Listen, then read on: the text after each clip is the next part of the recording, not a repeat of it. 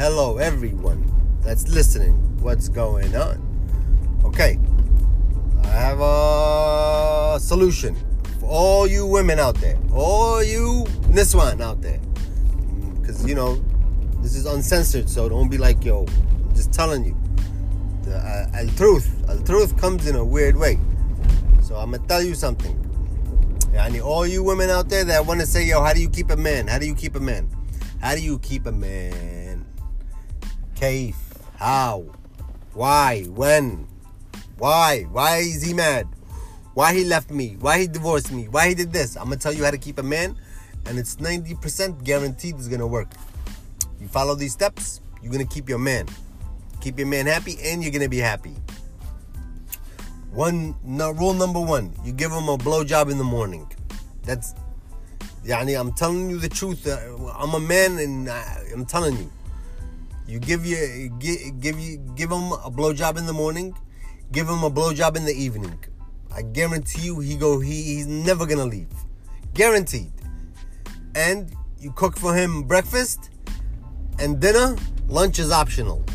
I'm I'm. You think I'm joking? I'm not joking, bro. And if that don't work, he's on some homo shit. Yani, you check your man out on some bullshit. If that don't work, yani, there's, there's, you leave the motherfucker because there's, there's an issue. If you give your man a blowjob in the morning, give him a blowjob in the evening, khalas. And I'm not talking about no regular blowjob. I'm talking about, you know, all out. And that's definitely you're gonna keep your man like that. You're gonna he's gonna be happy. Guaranteed. That's guaranteed. My view, my opinion. Dislike, don't like, don't like what I say. I don't care, bro. Me don't care. I'm just telling you the truth. Yani. And a lot of guys are gonna be happy. I'm just telling you the truth, man. You do that, I guarantee you, man. I guarantee you. Yani. Uh, and if that don't work, man, then uh, yani, that's it. He's a sucker, man. I'm telling you, you do that uh, for your man, he no go nowhere. He gonna make you happy, and you're gonna yani halas. I'm just telling you the truth, man. That's the that's the truth, bro.